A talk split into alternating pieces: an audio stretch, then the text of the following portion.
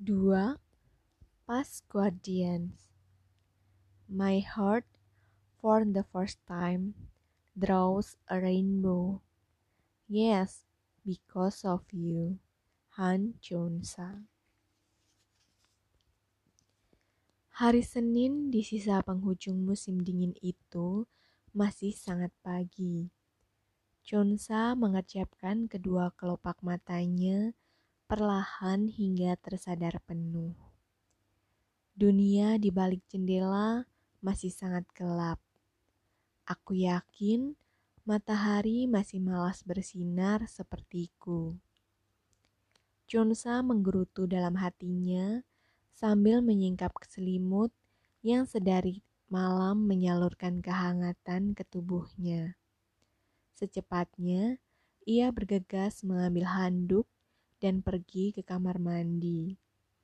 Setelah kurang lebih 10 menit membersihkan diri, Chonsa lalu mengganti piyama dengan seragam sekolahnya. Bulan Maret adalah tahun ajaran baru di Korea Selatan.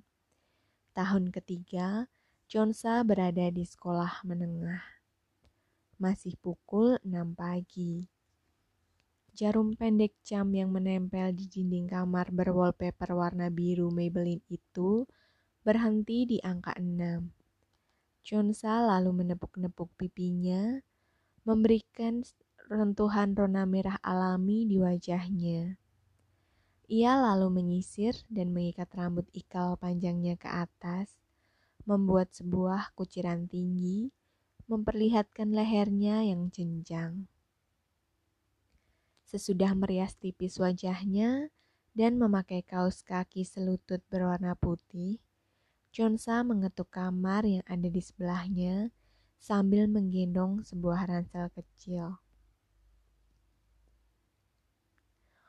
Hei, letak aja sih, bangunlah. Sekarang sudah jam 6 dan sekolah dimulai pukul 9 bukan? Anak-anak calon tim basket nasional Korea Selatan itu semua sedang menunggumu teriak Chonsa nyaring sambil menggedor-gedor sadis pintu kamar letup. Karena tak ada jawaban sama sekali, Chonsa lalu menyuarakan ancamannya.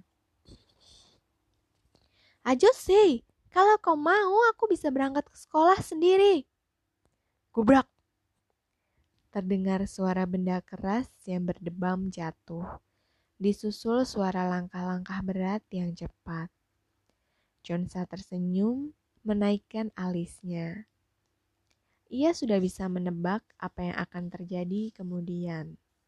Sambil memasang headset yang memainkan lagu merotik dari TV XQ di telinganya, ia mulai menghitung dalam hati. Satu, dua, ti. Pintu lalu terbuka kasar. Masih sedikit terhuyung, Letuk terlihat memaksakan diri membuka matanya. Tak bisa, tak bisa. Aku harus mengantarmu sampai ke sekolah. Cangka mana? Pagi selalu berulang seperti ini. Chonsa sudah hafal betul sejak 10 tahun lalu. Dari mulai ia masuk sekolah dasar, Letuklah yang mengantarkannya ke sekolah hingga sekarang saat ia SMA. Chonsa merapikan rambut pamannya yang tak tentu arah. Memang terlihat berantakan. Ia lalu menepuk bahu letuk sekali, kemudian akhirnya turun ke lantai bawah. Aku selalu menunggumu letuk sih. Nyatanya, Chonsa tak selalu menunggu letuk. Chonsa melirik arloji di tangannya sudah pukul 08.30 sekarang. Mobil yang dikendarai Letuk Ajusinya tadi mogok. Ia masih mengingat betapa mati-matian usahanya tadi meyakinkan pamannya itu bahwa ia bisa melanjutkan setengah perjalanannya menuju sekolah seorang diri. Ya, sebenarnya ia tadi meninggalkan pamannya yang tak yakin sama sekali karena ia langsung masuk ke dalam bus menuju sekolahnya. Tinggal seperempat perjalanan lagi, Chonsa menyusuri sisanya dengan berjalan kaki, menghirup lekat-lekat aroma pagi dalam kedamaian. Jajaran dedaunan pohon pinus yang turut meneduhkan langkahnya terasa makin menyempurnakan hari pertamanya kembali ke sekolah. Namun tak lama, dari arah belakang Jonsa, datang sebuah motor sport dengan bunyi knalpot yang cukup memekakan telinga.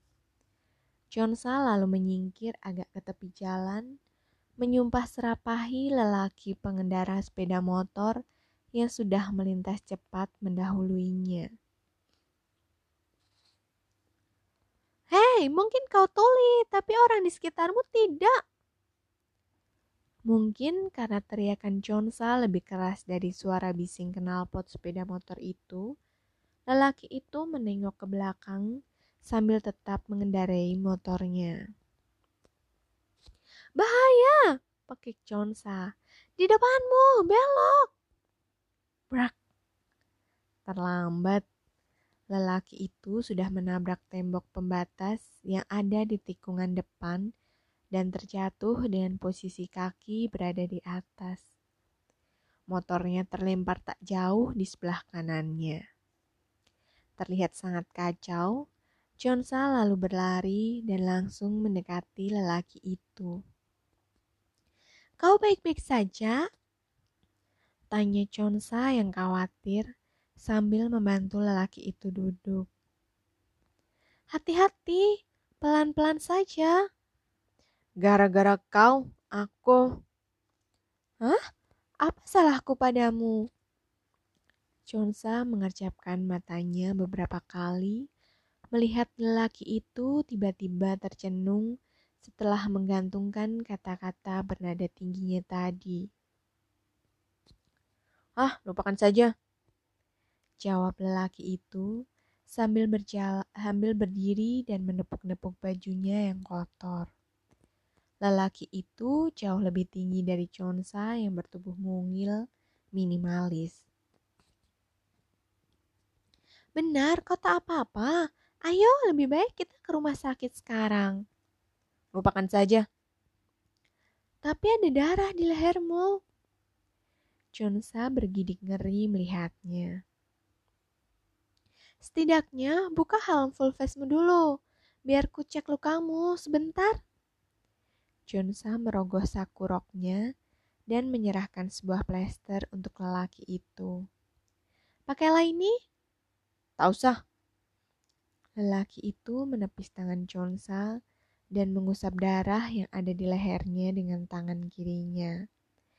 Ia lalu menegakkan motornya, menyalakan motor sport Kawasaki putih itu, dan langsung melesat meninggalkan Chonsa. Dasar tak tahu terima kasih. Chonsa membatin kesal. Sebuah benda keperakan yang ada di tanah terlihat berkilau tertimpa sinar matahari, ikut memantulkan cahaya silau ke mata Chonsa. Dengan matanya yang menyipit, Chonsa segera mengambil benda yang ternyata sebuah nemtek dari plat besi. Apa ini milik lelaki itu ya? Seragam sekolah dan tipe nemteknya sama denganku. Apa aku harus mencari dia di sekolah ya? Chonsa menaruh nemtek itu di saku blazer sekolahnya yang berwarna kuning. Ia lalu melanjutkan langkahnya lagi menuju School of Performing Art, sekolah menengah khusus seni paling terkenal di Korea Selatan.